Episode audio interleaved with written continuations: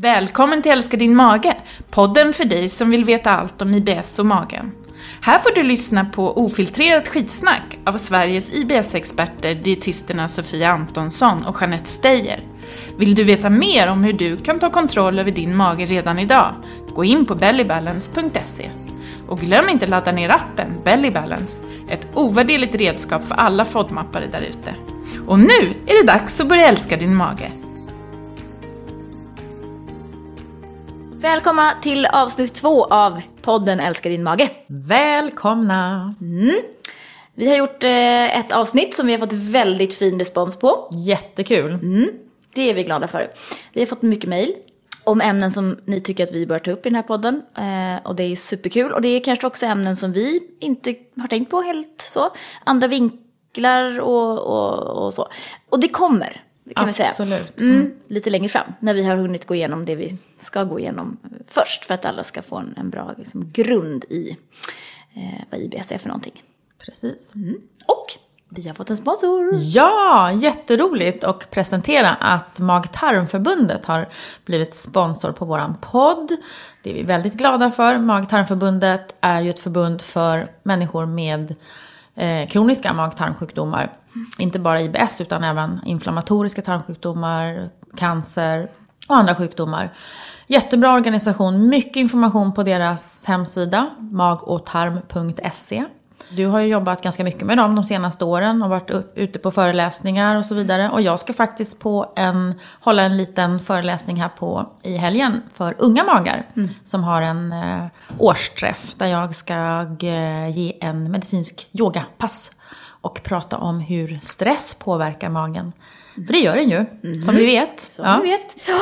Eh, precis, och Mag-tarmförbundet är ju en väldigt aktiv och pigg eh, organisation eh, som, som är snabba med nyheter och där man får det senaste. Så att eh, gå in och bli medlemmar kan vi ju eh, puffa lite för. Absolut. Och framförallt också då Unga Magar som ju är en, eh, en bra organisation för alla ungdomar som faktiskt har den här typen av problem. Det är ju kul att träffa andra eh, faktiskt lite då och då. De har så återkommande läger och, och träffar och så. Och en bra tidning har de också. Ja, som hette Kanalen tidigare. Ja, just det. Tidigare. Ja, tidigare. Mm. Nu heter den Allt om magen och är jättefin. Väldigt välgjord. Eh, och mycket roliga nyheter och sådär eh, i den. Mm. Så att tack så mycket Mag och tarmförbundet får vi ju eh, säga. Bock och tack. Bock och tack. Tack och bock. Och en annan rolig sak som vi kanske ska lyfta här. Det är ju att eh, du, vi, du, var med i DN bilaga. De hade ju en mag, magbilaga här nu veckan. Och har intervjuat dig och, eh, om IBS och vad man kan göra åt det och så vidare. Eh, och det var ju jätteroligt att de gör en sån bilaga och lyfter det här problemet. För det är ju det som vi och speciellt du Sofia är jätteduktig på att vara ute och missionera om det här problemet, om IBS, att det finns och vad kan vi göra åt det. Precis. Så det var kul. Ja, men det, det var jätteroligt och som sagt en bra samling eh, med eh, medverkande i den här bilagan.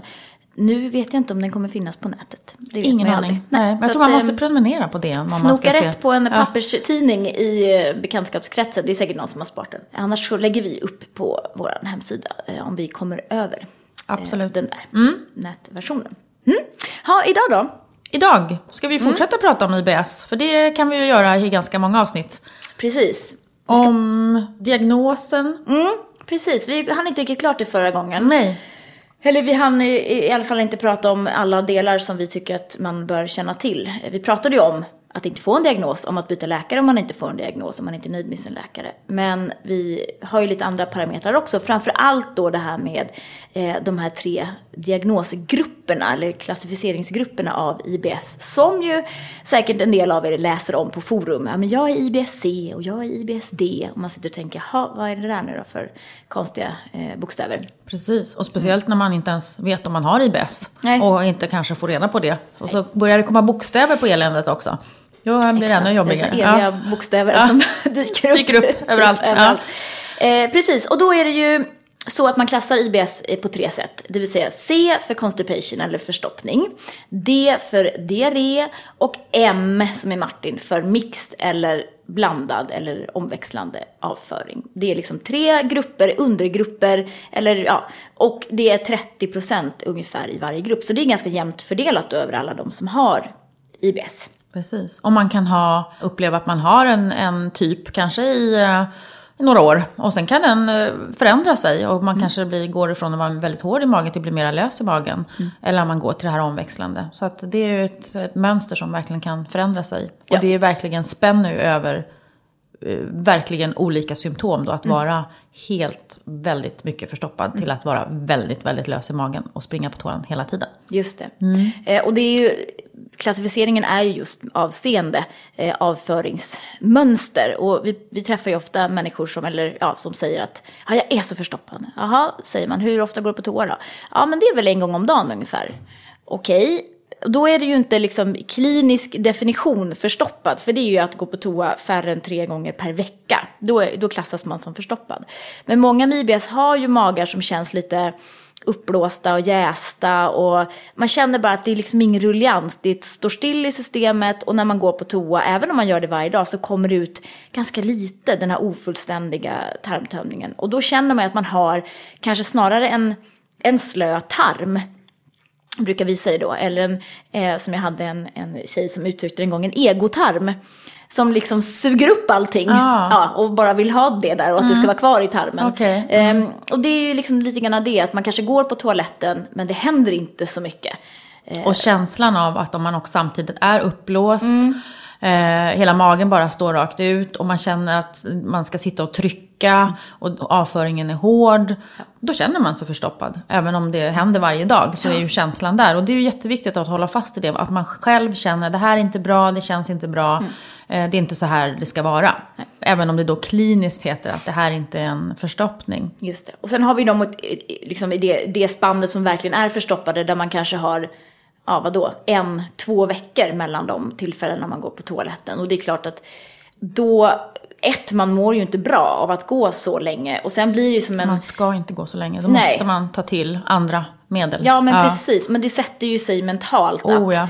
När ska det här hända? För att det blir ju bokstavligen så att det blir en stor händelse när det här väl sen då ska dra igång. Och då kan man ju fundera på var man är, om man är på rätt ställe, på rätt plats och sådär. Så blir det en, en påfrestning.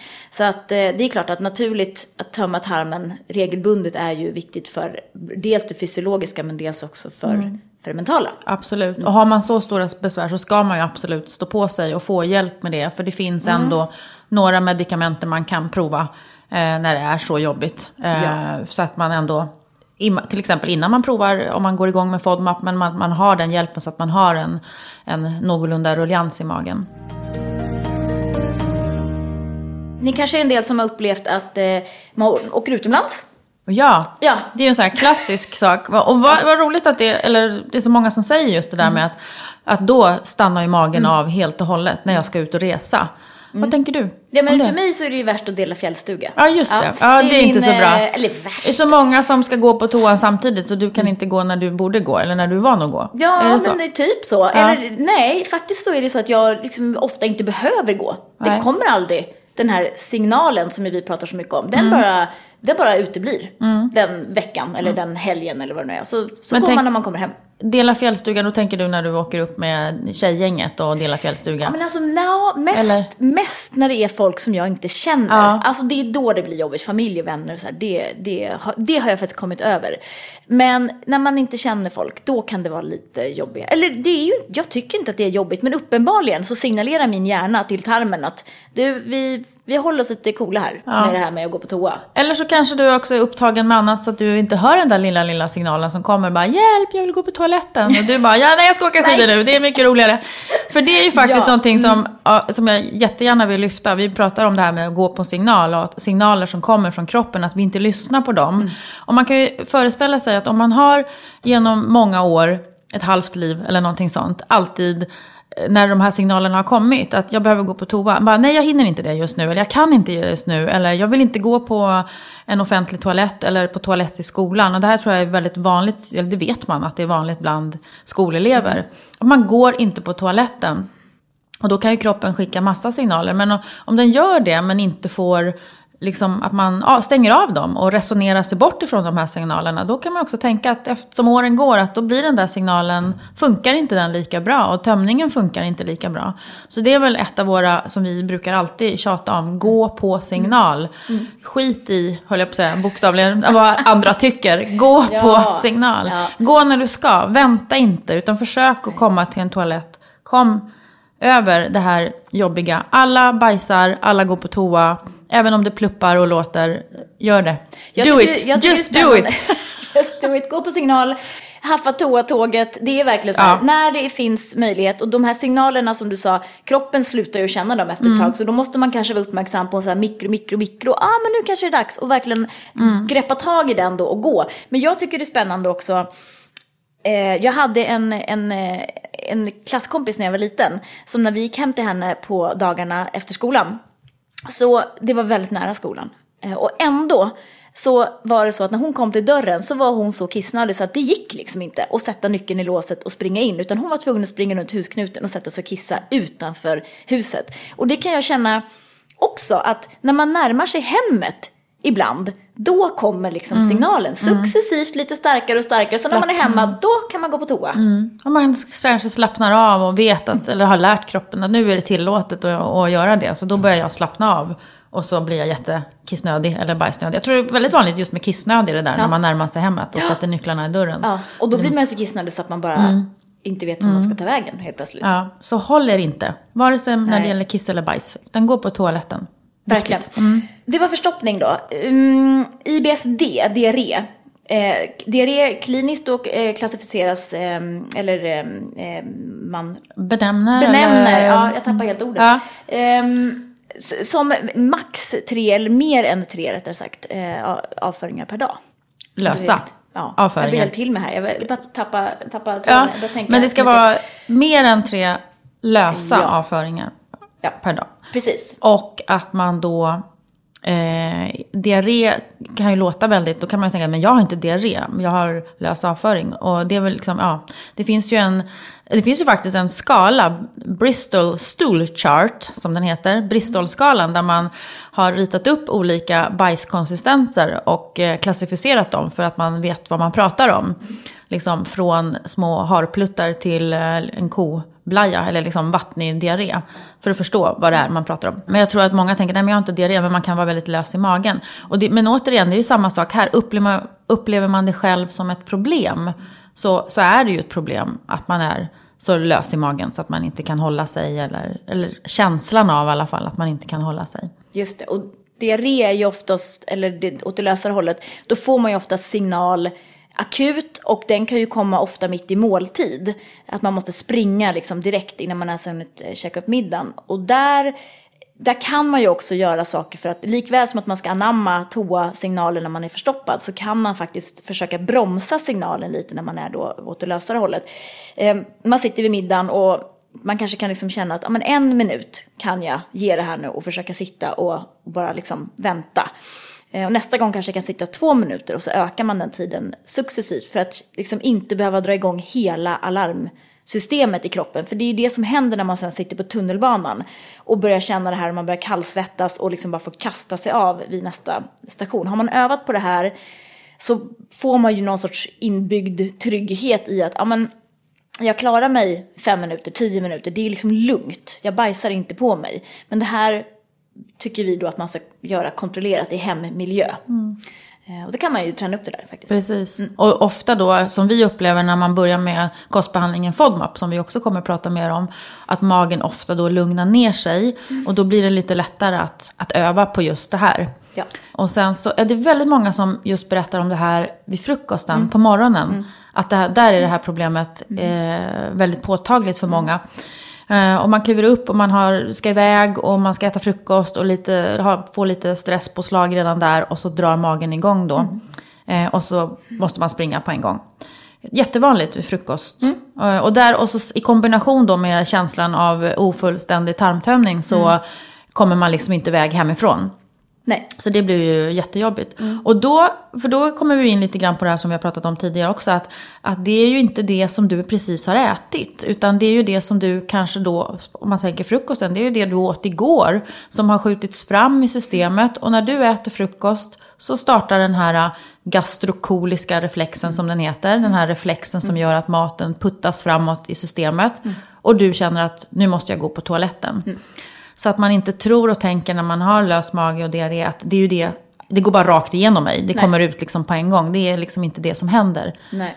Och den gastrokoliska reflexen är ju intressant. Ja. För den behöver ju inte bara gå igång av egentligen när vi äter. Vi vet ju i studier har man ju sett att lukten av kaffe kan få den här reflexen att slå till. Man luktar på kaffet på morgonen och blir tvungen att gå på toaletten. Det tycker jag är ganska intressant. Det är samma sak som man äter torkade aprikoser som ju är, i min värld i alla fall, en av de värre eh, livsmedlen när man har IBS. Det börjar ju bubbla i magen efter en kvart. Och då kan ju inte de där aprikoserna vara någon annanstans än i magsäcken. Det är liksom helt fysiskt omöjligt.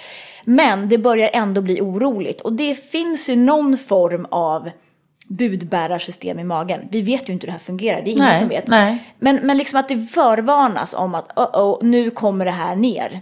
Och så puttrar igång liksom reflexerna där nere. Så det är klart att man kan reagera. Jag vet inte om det är lite grann för- förväntad reaktion eller, alltså det finns ju så mycket som vi inte har en aning om, Precis. Mm. kopplingen hjärnan och, och tarmen. Men vissa saker går ju väldigt, väldigt snabbt. Men generellt sett kan man ju tänka i alla fall att eh, det tar ganska många timmar eh, innan eh, symptomen kommer på det man just har ätit. För det ska igenom hela systemet och ner i tjocktarmen där det ju faktiskt börjar Mm. jäsa. Precis. Men sen har vi ju några tillstånd som, precis som du säger, vi vet ju inte allt. Vi vet, men vi vet att det ibland kan finnas bakterier eh, även upp i tunntarmen. Eh, som gör att den här liksom jäsningsprocessen kanske startar lite tidigare än nere i tjocktarmen. Eh, och det pratar man ju inte heller så mycket om, i Sverige i alla fall. Nej, inte i Sverige. Eh, och det, det ska vi prata om sen, det här tillståndet som heter SIBO som är så himla intressant. Eh, jag tänker också att det man äter, det går ju olika fort inom systemet. Ja. Dricker man ett glas apelsinjuice så kan ju det ge ganska snabba symptom om man är fruktoskänslig. Det kan ju börja ja, rumla Det runt går redan i fortare genom systemet. Ju, ju mera processat, eller om man ska säga, om det vätska går så fort, såklart fortare. Ja. Än saker som ska brytas ner, fibrer som ska brytas ner och ta lite längre tid. Men precis. Eh, och sen bara också för att förtydliga att man kan också få självklart symptom eh, från magsäck eh, och lite överdelsbesvär då eh, av mat som man äter om man är känslig för fet mat eller starka kryddor. Alkohol kan ju också ge det här att, att liksom, man kanske har halsbränna eller att man blir illamående. eller Så. så att man kan ju också få symptom uppåt men då är det mer av andra orsaker. Det vi pratar om det är ju det så ofta som händer då nere i tjocktarmen och det tar en stund innan det kommer dit. Sen är det ju det här med tester då. då. Ja, Gluten och laktos. Ja, Ja, mixed. Vi behöver inte säga något om det. Ja, nej men vad ska vi mixed. säga? Det är, ju, det är ju det här att ingenting kommer, ingenting kommer och så kommer allting under en period. Man har diarré och förstoppning omväxlande. Ja. Ja. Och det kan vara variera på dagen eller över veckan eller att det kan vara så. Ja, Mm. Man är, har lös mage på morgonen och så blir man förstoppad under dagen. Eller rättare sagt, man blir hårdare, Lite hårdare. under dagen. Mm, precis. Och så omväxlande. Så. Ja. Förlåt, jag tänkte bara. Ja, du, Ja, alla bra. bokstäver skulle vara med. Ja. Ja. Laktos och gluten tar man tester för eh, ibland hos läkaren, ibland tar inga, inte läkaren några tester alls. Precis. Så är det. Eh, och laktos i min värld eh, behöver man ju kanske inte göra ett test på, eh, absolut. Det är inte tvingande på något vis eh, för att göra en behandling för IBS eller för att få en IBS-diagnos. Eh, den kan man ju testa sig fram med sen, laktosen. Den är ju ganska lätt att känna av vad man reagerar på. Eh, laktos, som ju är mjölksocker då, eh, molekylen i eh, mjölk från ko, get och får. Eh, och som bryts ner i tarmen av ett enzym som heter laktas. Eh, Är man laktoskänslig eller laktosintolerant så har man ju nedsatt produktion eller nedsatt aktivitet av laktasenzym i tarmen. Och det här är ju det här är himla intressant alltså. Att st- alltså nästan största delen av världens befolkning är ju naturligt laktosintoleranta. Precis. Det är ju här som vi uppe i Norden har eh, genom de senaste par tusen åren har, har vant oss vid att som mjölk, mjölkprodukter har varit en del av vår kost. För vi hade ju inte så mycket annat här uppe för ett par, två tusen år sedan än att mjölka en ko och så lite säd och sånt.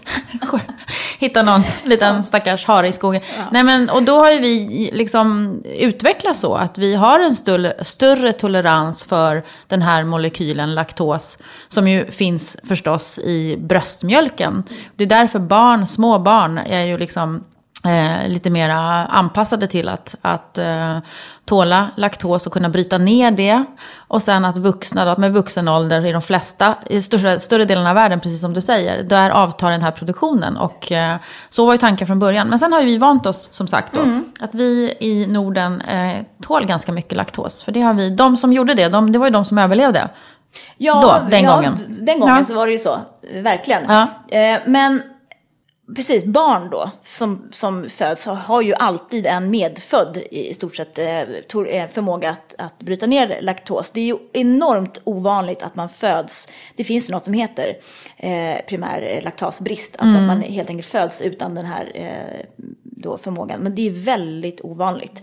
Så att om vi generaliserar så kan ju alla eh, spädbarn i stort sett bryta ner eh, laktos. Och även om man sen får en produktion som minskar av laktasenzymer så brukar man ändå säga att upp till skolåldern så är det ju väldigt ovanligt att barn inte tål laktos. Och sen är det då ungefär 5% av Sveriges befolkning som är laktosintoleranta. Sen ökar ju den här siffran eh, med att vi har ökad invandring, då från just de områdena i världen med större andel laktosintoleranta. Så den siffran kommer eller har kanske redan ökat något med de grupperna. Men som sagt, det är ungefär runt 5 procent. Och ändå står försäljningen av laktosfria produkter på mejerihyllan för ungefär 25 procent. Eh, och där har vi ju en viss skillnad. Precis, och ja. den är jätteintressant. Och eftersom vi vet det vi vet om vad som händer i magen och om FODMAP eh, så vet vi ju att även om man inte är laktosintolerant så kan man ju reagera på den här molekylen. Eh, att det blir bubbligt i magen av den. För att den passerar ner och så blir den eh, härlig smaskens föda för de här tarmbakterierna vi har nere i tjocktarmen. Och så blir det bubbligt. För då utvecklas det gas. Eh, så det är väl kanske att många har känt, känner av det här, att det är någonting som inte är bra i magen. Jag testar mer laktosfritt och kanske tycker att det blir lite bättre då i antingen i en period och så blir det inte bättre efter ett tag. Eller så är det faktiskt lite bättre när man håller sig till laktosfritt. Men då finns det ju liksom en annan förklaring på det. Ja, precis. Eh, och jag ska säga att man kanske alla... har IBS istället. Ja. ja. Verkligen. Eh, det som vi ska vara noggranna med att tala om här det är ju att eh, eftersom det är så många som går och väljer laktosfritt som förstahandsval när man har lite problem med bubblig mage, framförallt till barn, eh, och så börjar man behandla barnen och hela familjen på en gång kan ju lika bra köra laktosfritt. Det är ju en viss fara med det. Eftersom små barn ganska sällan är laktosintoleranta så är ju risk att man missar någon annan diagnos på det här mm. barnet genom att börja behandla på egen, eget bevåg. Så att vi vill ju starkt avråda från att börja använda laktosfria produkter till eh, barn innan man har gjort en utredning hos eh, läkaren. Så att vi vill liksom ha någonstans svart på vitt, vad är det som egentligen är problemen? Och det är det som, som jag också är ute efter, att man inte bara gör. Mm. För att man tror, ja jag, jag mår lite bättre av det där kanske. Och så vet vi att vi har en ganska hög placeboeffekt för att man vill ju ändå må bättre. Och det som många då misstar sig på när det gäller laktos, det är ju för det första att hårdost alltid i stort sett är laktosfri. De analyser som har gjorts på hårdostar visar ju det, oavsett lagringstid. Mm. Vi vet att smör innehåller enormt små mängder laktos. Du behöver äta en smörbytta, skulle jag säga, för att få en reaktion. Och även andra produkter, alltså mjölk, eh, förlåt, eh, grädde och crème fraîche och, och sådär som man använder i matlagning klarar ju många även om man är laktosintolerant. Man klarar ett visst antal gram varje dag, 3-5 ungefär. Så att där är ju också en, en poäng och, liksom att verkligen ta reda på, men hur mycket tål jag då? Mm. Ja, mjölk, fil, yoghurt och dricka det rent, det, det funkar inte. Men däremot så, så klarar jag lite grädde i maten till exempel. Så att man inte begränsar sig onödigt mycket. Precis. Och, och kanske här... också, det blir ju dyrt. Det är ju dyrare ja, produkter. Det det. Och som du säger, framförallt, alltså, vad man gör som vuxen, det får man ju ta ansvar för själv. Men det kan ju bli väldigt krångligt att börja plocka bort saker och inte veta riktigt. Och det är ju det vi pratar om hela tiden när vi har behandling och jobbar med mm. att gör det på rätt sätt så blir det mycket lättare sen att förstå ja. vad det är du tål och inte tål. Precis. Um, men uh, annars såklart att man gör förbättringar i sin kost, det är ju alltid bra. Det gillar vi ju. Men gör det på rätt sätt. Ja, man ska veta varför. Ja. Eh, för att också kunna utvärdera ordentligt, eh, tänker jag. Mm. Annars blir det snart bara ett virvar och så fattar man inte vad den röda tråden är alls och så plockar man bort massa saker. Och det är ja. ju jättevanligt. Det hör mm. vi ju jätteofta. Mm. De som kommer till oss att jag har provat det och jag har provat det ena och det andra och nu vet jag snart inte vad jag ska äta. För Nej. man får ingen ordning på det. Ja, men precis. Testet då för laktosintolerans görs ju hos läkaren, ditt ett blodprov och som påvisar om man har eh, helt enkelt genotypen för att eventuellt kanske någon gång i framtiden få en liten brist på laktasenzym. Det är ju liksom det testet säger. Så att även om det testet är positivt så behöver ju inte det betyda att du är laktosintolerant just nu i den här sekunden. Men sätter man ihop det med bubblig mage och uppblåsthet och sådär, då, um, då får man ju oftast en, en laktosintoleransdiagnos. Ja. Så att bara för att liksom summera detta, ta inte bort saker själv innan du vet vad det är du ska ta bort. För det förvirrar oftast mera. Eh, och sluta med att du kanske onödigt får begränsa dig och det blir krångligt och du kanske måste ta bort saker som du faktiskt kanske egentligen skulle kunna äta. Det var en bra uppsummering. Ja, ja. brandtalet. Mm. Eh, och som sagt, det, är för att vi, vi träffar så otroligt många som börjar med att ta bort laktosen. Mm. Eh, och sen på något vis jag träffar ju folk som har gjort det här liksom i tio år. Mm. Nej, men laktos slutade jag med för tio år sedan. Mm. De är fortfarande jättedåliga i magen. Exakt. Och då undrar man ju mm. lite grann, vad gör den där lakt mm. laktosfria då? Alltså nu känns det som att jag måste säga så här, att vi kan sitta här och säga det här, det är ju för att vi jobbar med en kostbehandling som, som gör det här på ett väldigt bra sätt. Att man plockar bort Aha. kontrollerat, lägger tillbaks kontrollerat och då får man reda på om det var den där laktosen eller fruktosen eller vad, vilka livsmedel det var. Mm. Och det är därför vi tror jag att vi, vi, är så säkra på det vi säger just nu. ja, men, så eh, är det. Förklaringen, eh, den kommer ju när vi kommer att berätta om behandlingen också. Eh, och att just för att, precis som du säger, att vi möter så många som har gjort det här och mm. provat så mycket, tagit bort det ena, mm. funkar lite, nej inte så bra, lägger tillbaka det, mm. tar bort någonting annat. Mm. Men vi vet ett bättre sätt att göra det på. Ja, man måste ta bort allting som stör eller som potentiellt kan störa magen mm. på en gång. Det går inte att ta bort lite granna och lägga till det igen. Utan magen måste få liksom nollställas. Mm. Eh, och det kommer vi att komma in på. Då kommer vi prata om hinken. Då pratar vi hinken och eh, Maghinken. att hitta, hitta den eh, gränsen. Mm. Det är ju liksom lite grann det det handlar om. Japp. Men verkligen då laktos. Kom ihåg nu att blir ni dåliga i magen när ni käkar en macka med ost så är det högst troligt inte osten och smöret som är problem. Utan det var att det var sju skivor ja Skogaholms... Nej, man får inte säga ja. sånt. Eh, Nej, limpa. Nej. Nej. Ja, men precis. Nej, det är brödet då, va, som är, som är ett problem. Kanske. Om man eh, reagerar det får man på det, till på exempel. Sen. Ja, det får man, får man ta reda på. Eh, så det var lite grann om laktos då. då att eh, vi kanske äter lite mycket laktosfritt i onödan. Ja. Många av de som väljer laktosfritt har helt enkelt IBS. Så kan det vara. En jättestor ja, men så är det nog. Eh, ja. har IBS. Japp. Mm. Och så kommer vi till gluten. Mm. Och då skulle jag vilja börja och säga så här. I ett sädeslag så finns det, det består ju av proteiner, kolhydrater och fett. Och lite andra näringsämnen och vitaminer. Men det är liksom de här tre huvuddelarna. Eh, och gluten är ju proteinet, eller ett av proteinen som är i sädeslag. Vete, råg och korn pratar vi om nu då. Primärt. Och det finns massa olika glutenproteiner. Och det finns, ja, precis. Mm. Finns, ja. ja bra. Eh, men att det är skillnad på Alltså att man förstår att det, för vi kommer prata då om det, vad är det du tål och vad är det du inte tål i de här sädeslagen i bröd och pasta då till exempel. Så det är bra att man förstår den skillnaden. Gluten, glutentest, glutenintolerans, celiaki. Som vi, du kommer att berätta lite grann om nu tänker jag, för du är duktig på det. Och det är en skillnad på det än det som vi pratar om i kostbehandlingen och i relation till IBS. För då kommer vi prata mer om de kolhydraterna, alltså de fibrerna som finns i sädeslaget. Precis. Eh, vi träffar ju väldigt många som säger, nej men gluten har jag tagit bort för länge sedan. Alltså bröd och pasta kanske man oftast relaterar till. Eh, och jag blev ju bättre i magen direkt. Så det måste ju vara gluten jag reagerar på. Och det är det ju i 99% av fallen inte.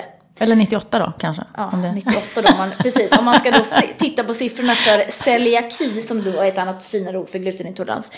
1-3% av Sveriges befolkning har celiaki och eh, man tror ju att det kanske är lite grann toppen på, på isberget. Eh, en del får, idag är vi duktigare på att uppmärksamma eh, symptom från magen i tidig ålder, så många barn får ju faktiskt eh, celiaki-diagnos eh, när de är väldigt, väldigt små. Och det handlar ju ofta om att man kan se tillväxtrubbningar på barn med eh, celiaki. Det vill säga att vikt och längd börjar plana av samtidigt. Och då ser man att det här ser lite konstigt ut och så tar man eh, de här standardproverna och då ingår ju glutentester alltid i dem. Eh, så det är fler som upptäcks, men det är ju ändå, tycker jag, relativt ofta man träffar personer som har gått omkring med en glutenintolerans många, många år. Innan man har fått diagnos. Ja. ja det, och det kan också vara en ganska tyst sjukdom, för man behöver faktiskt inte ha eh, större symptom ifrån magen till att börja med. Eh, man kan eh, upptäcka, ibland upptäcks det genom att man ser en, en eh, vitaminbrist, mm. eh, trötthet, eh, andra symptom. Och sen så när man tar ett test så ser man att det är gluten. Och då kanske man inte haft så här jättestora besvär från magen ännu. Nej. Det De kommer ju, så småningom. Precis, det gör ju då. Det finns ju, finns ju något som, som verkligen heter tyst celiaki där mm. du inte får något märkbart symptom alls, förutom att tarmslemhinnan då skadas. För det är det som händer när man mm. har eh, glutenintolerans, att eh, själva glutenproteinet startar en inflammation i tarmen kan man säga. Så att tarmluddet, de här små, de här små borst, borstarna som, som suger upp näring i tarmen, de förstörs och så blir tarmslemhinnan helt slät kan man säga. Det vill säga maten passerar ju bara förbi utan att då näringen kan tas upp och det är därför man får olika brister. Järn brukar ju vara ganska eh, tidigt i förloppet man upptäcker att man har brist på. Och som sagt, det är ganska få som har det här, men det, vi rekommenderar ju alltid, i och med att våran behandling eh, då är eh, till stor del glutenfri, men inte helt, men i alla fall Sädeslagsfri kanske då man ska säga. Sädeslagsfri är ju ett bra ord. Till att börja med, ja. Ja. Eh, så är det bra att göra det här provet innan. För det, det som händer då när man tar ett, ett, test för celiaki, det är ju att man tar ett blodprov och sen ser man, har man några antikroppar i blodet mot gluten? Och det har man ju om man har celiaki och samtidigt då äter gluten och tar ett test. Men har man av någon anledning tagit bort gluten ur sin kost så har man ju heller inte kvar de här antikropparna. Så det betyder att om du tar ett test under en period där du inte äter gluten så kommer inte det resultatet att bli eh, tillförlitligt. Så att ät gluten när du gör ditt glutentest och gör det gärna innan du börjar eh, med eh, någon form av kostbehandling då för IBS. Precis. Så vet man det liksom svart på vitt att det inte är något problem. Så att om man tar bort gluten och blir bättre i magen så är det fibrerna som har slutat jäsa, för de har man fått bort. Det är inte själva glutenproteinet som är ett problem. Sen finns det de människor eh, som faktiskt reagerar på själva glutenproteinet utan att ha celiaki. Mm. Ehm, och då, den här gråzonen som man har börjat prata om. Exakt. Och kanske mer uppmärksammar utomlands än vad man gör i Sverige. Precis. Ehm, Non-celiac gluten sensitivity finns ju ett tillstånd som heter, det vill säga att man känner av gluten eh, trots att man inte har eh, en glutenintolerans då. Och det kan ju vara huvudvärk, eh, har jag varit med om, folk som har haft, ledvärk, yrsel, trötthet, hjärndimma, allmänna. Och det här är ju symptom som är ganska diffusa, som kan tillhöra flera sjukdomar. Och det är svårt att koppla det här klockrent till gluten. Därför är inte det här en vedertagen diagnos i Sverige. Och konkluderar på detta då, så är det precis som du säger. Har man haft jobbig, har man jobbig mage och drar ner på bröd och pasta och det känns att det blir mycket bättre. Så är det förmodligen de här fibrerna, kolhydraterna i sädeslagen som, mm. som man har reagerat på. Som mm. är de som jäser. Och, eh, och väldigt vanligt då att man går till den glutenfria hyllan och börjar kanske använda dem bröd eller vad det finns, eh, olika saker, då, pasta och sådana saker där. Mm. Eh, och det kan ju vara en djungel i sig själv. Eftersom eh, vissa av de produkterna funkar ju jättebra. Men vissa produkter innehåller ju fortfarande den här, de här fibrerna då som, som man vill försöka undvika när man har IBS. Så att då kan det bli lite svårt att bara gå loss på glutenfria hyllan. Plus att den glutenfria hyllan kanske inte alltid är de roligaste produkterna vad gäller näring och tillsatser och så vidare. Så att, ehm, eh, för det är ju en stor trend att välja bort gluten. Eh, Även för de som inte är glutenintoleranta. Och, och det kan ju både vara plus och minus med det tänker jag. Ett plus kan ju vara att ja, men då blir det när det finns en efterfrågan så kommer det utvecklas bättre produkter och det har det ju redan gjort. Alltså om man jämför med vad som fanns för 5-6 år sedan bara på den glutenfria hyllan och vad du kunde få ute på café eller restaurang så har ju hänt massa där. Att det har kommit liksom en, folk vill inte, en del vill välja bort gluten och då kommer det andra alternativ. Och det kan ju vara positivt även för de som har celiaki och glutenintolerans att då finns det mer att välja på för dem också. Mm. Samtidigt som att det urvattnar ju lite grann av gluteinintoleransdiagnosen. Ja. För att det blir som att, äh, men du kan väl äta lite gluten om mm. du är glutenintolerant. Nej, det kan, det kan man, man inte. inte. göra. Det är Nej. liksom väldigt strikt kost och det behöver vi inte gå in och vidare på här. Men, men det är ju verkligen sant att det är klart att det finns en, en positiv del i det att, att det faktiskt utvecklas nya produkter. Men man ska komma ihåg ändå att gå och välja produkter från glutenfria hyllan som kanske är baserade på majs, ris, potatis, stärkelse som ju inte innehåller ett spår av näring mm. i stort sett och som är ganska snabba, det vill mm. säga de höjer blodsockret eh, snabbt och, och inte ger någon, någonting egentligen.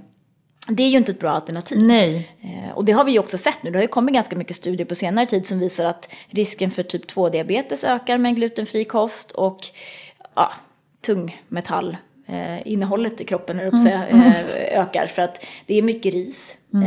eh, risbaserat och det finns en del arsenik och så vidare. Så det, ja, jag tror också det är bra att man tänker på det, att, liksom att äta glutenfritt är inte mm. detsamma som att äta nyttigt. Man är nödvändigtvis liksom inte nyttigare. För att jag tror att många tänker så. Jag kan höra också på, jag har ju en del ungdomar omkring mig, att mm. man tänker att det är nyttigare att äta mm. glutenfritt och så väljer man ersättningsprodukter som inte mm. blir särskilt bra. Nej. Då eh, har man en, en tanke och önskemål om att man vill välja bort gluten. Då får man försöka hitta det, de produkter som är naturligt glutenfria, pratar man ju om då. Att man eh, väljer liksom quinoa, ris, potatis, rotfrukter istället för glutenfri pasta. Ja. Att man bakar bröd på alternativa sädeslag, eh, teff, durra, hirs. Mm. Eh, använder frön och nötter. Eh, så att det blir näringsrik och bra mat. Just det. Det är ju det här som är lite paradoxen, att man väljer bort saker för att kanske visa vem man är identitetsmässigt. Man tror att man är nyttigare. Man kanske vill gå ner i vikt. Det är ju liksom en stor del i det här välja bort-trenden. Att man faktiskt tycker att ja, jag kanske blir smal av det här. Eh, och samtidigt då så kanske man gör sämre val. Fokusera, alltså att man fokuserar så mycket på att bara att välja bort. Men istället för att fokusera, men vad är det jag ska välja till för bra produkter? Mm. För fyller jag upp med bra produkter i, liksom i min mat, då finns det inte plats för så mycket SKIT. Liksom. Nej, så kan Lite man så. tänka. Ja, så kan man tänka. Så tänker jag. Så, ja. så tänker du. Ja, men det är helt rätt. Eh, att lä- och framförallt att lära sig vad det är. Det är ganska, ganska lätt att lära sig vad man ska välja bort. Mm. Men att då lägga till är ju mycket, mycket, mycket svårare mm. att förstå vad det är som är faktiskt ett bra val. Mm. Ja, en glutenfri kaka är också en kaka. Ja, det brukar Kommer du säga. Ja, precis. Jo, men verkligen. Och den kan ju vara många gånger mycket mer onyttig än ja. Eh, själva originalkakan. En originalkaka, En ja. originalkaka, ja. Så att eh, det var lite grann om, eh, om gluten. Stort och smått om gluten. Ja, precis. Så kom ihåg att, eh, att bara för att ni plockar bort bröd och blir bättre i magen så betyder inte det att ni inte kan äta bröd. För vi ska prata om så småningom vilken sorts bröd man faktiskt kan äta utan att få ballongmage. Bra där. Ja. Mm. Och apropå välja bort här då, då, trenden, så har jag två spaningar. Ah, du har ju så här spaningsinslag. Mm. Precis. Jag tänker att, eller egentligen lägga till och välja bort mm. är ju de här båda två. Mm. För det mm. första, alltså, jag har varit ute och föreläst här nu ett tag, på, eller några gånger på senare tid. Och då brukar jag slå hål på matmyter. Och så brukar jag då prata om, ja, är det bra med glutenfritt och är det bra med ditt och datten? Och då slår det mig ganska ofta att jag, jag börjar prata om juicer och smoothies. För det är ju någonting som var och varannan människa just nu dricker i hejdlösa mängder. Ja. Eller?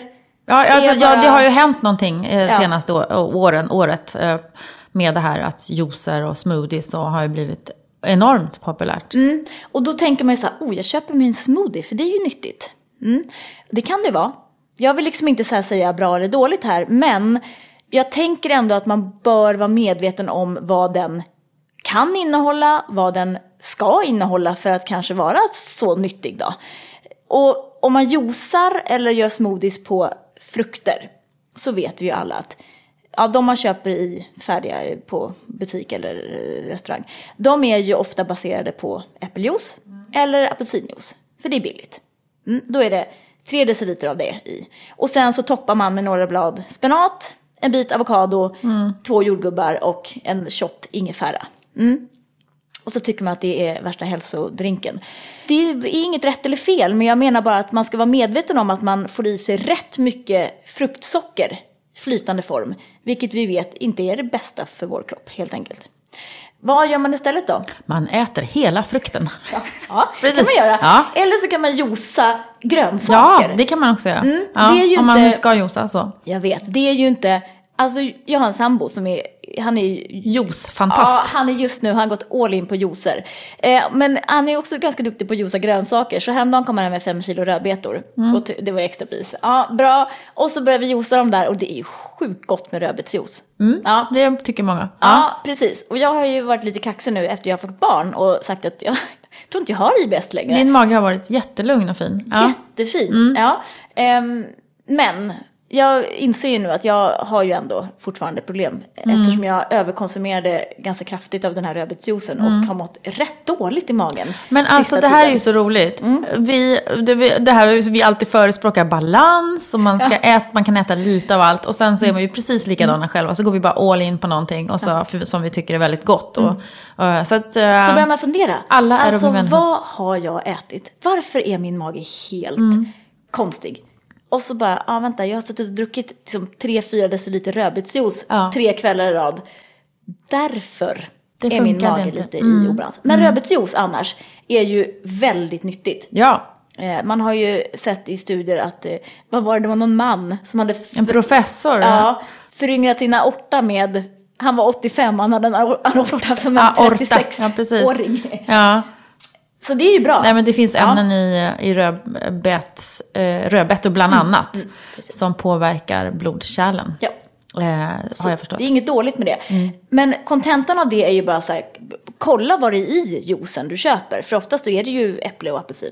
Och nummer två, försök att juica grönsaker i så fall. För att då får man ju ändå liksom inte så mycket socker i det. Och Liksom. gärna blanda, blir väldigt gott. Att man har mycket grönsaker men kanske blanda med lite äppeljuice eller en splash eh, citronsaft eller ingefära. Så får du den här lite friskare smaken men du får i dig mera grönsaker. Och att det kan ju vara ett bra, ja, är man, äter man inga grönsaker alls, ja men då får man i alla fall i sig lite grann då, eh, frukt och grönt i en sån juice eller smoothie. Eh, men man kan ju liksom inte rädda upp en hel dålig mat, eller liksom kosthållning på att ta en juice i ny och nä. Nej. Eh, Men det är bra för matsvinnet. Har man lite Ja. halvvissna frukter och grönsaker hemma som man nästan är på väg att slänga, Mm. då kan man ju köra dem i, eh, i mixen eller i juicecentrifugen eller vad man nu har. Det är ju ett fint eh, sätt faktiskt. Det är det, verkligen. Ja. Det var spaning nummer ett. Spaning nummer två är ju det här med vego, vegotrenden. Mm. Jag tycker också när man pratar med folk om det att det är väldigt många unga människor, och det här ser man ju i undersökningar när man gör i, i just den åldersgruppen, kanske 18 till 25 eller någonting, att vegotrenden är ju extremt stark och man vet att när det börjar i den gruppen så blir det så. För de är liksom, det är de som sätter trender lite i för. Ja, de Mm. är otroligt duktiga på det.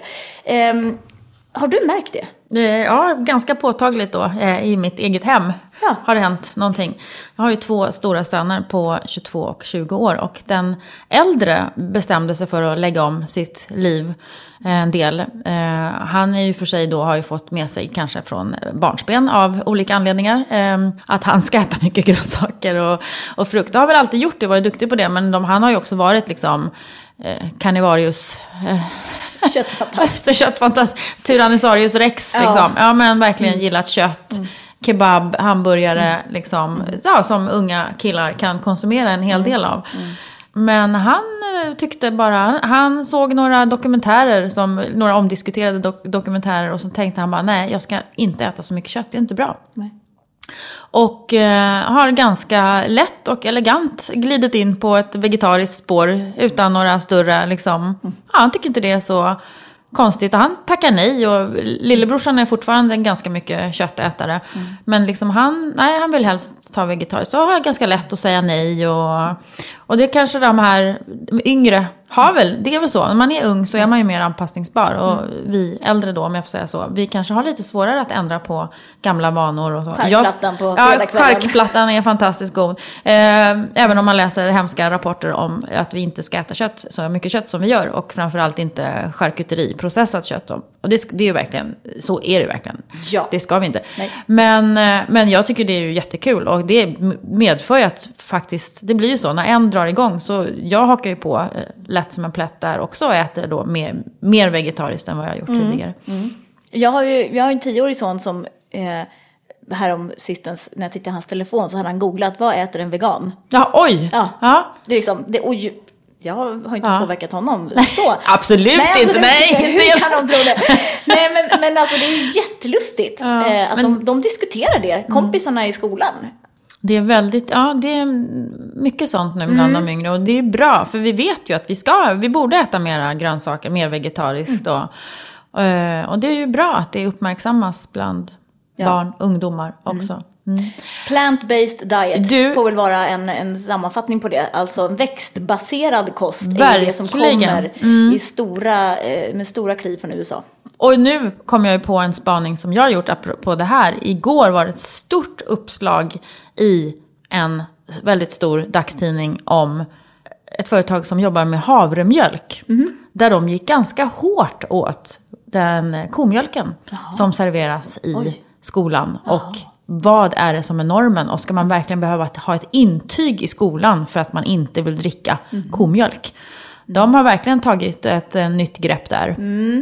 Ja, Ja. det kan man ju fråga sig. Eh, men jag tror att Men många det är gamla vanor har... och normer och, som lever kvar liksom. Ja, oh, ja. Men alltså jag tror ju att man kan välja mjölk eller vatten. Ja visst, Alltså, men om man skulle vilja ha någonting annat. Eller man kanske inte vill Ja, ha du mjölk i mat. så. Ja, det kan ju ibland krävas intyg. Ja, och då är det stackars skole, skolbespisnings... eh, Eller kocken där i skolan. Som de gick göra- jättehårt åt. Varför sitter det planscher i skolmatsalen där det reklameras för, för mjölk? Varför ska det inte reklameras för andra saker då? Ja, I, det. alltså, ja, de, är, de, de annonserna är ute nu, men de är rätt tuffa. Ja, jag Precis, säger de, inget mer. de åker ju dit lite då och då också på Ja, det. Men ja, det, ja. det rör ju om i grytan. Det rör om i grytan. Det är lite kul. Det var veckans eh, trendspaning då. då. Ja. Det, var, Det var ett nytt inslag i Ja, det podden. var ett nytt inslag. Men det är väldigt eh, intressant. Fia, vet du? Nu måste du sluta prata. Vi har, Ja. vi, alltså nu har vi igen pratat jättelänge. Ja, nu Mm. Det är bra. Hej svejs! Eh, hej svejs. Ja, nej. Eh, vi har, eh, eh, nästa vecka har vi eh, FODMAP. Då Ja. pratar vi själva lösningen på det här. Eh, eller början i alla fall. Vi ska börja nysta vad man ska göra. Det blir nästa vecka. Skicka in era frågor till oss. Kontakt med k at bellybalance.se. Eller också gå gärna in på vår hemsida www.bellybalance.se. Läs eh, om IBS, om FODMAP och all, allt an, alla andra inlägg som vi har där. Prenumerera gärna på vårt nyhetsbrev. Just kommer det. vi med tips och tricks också.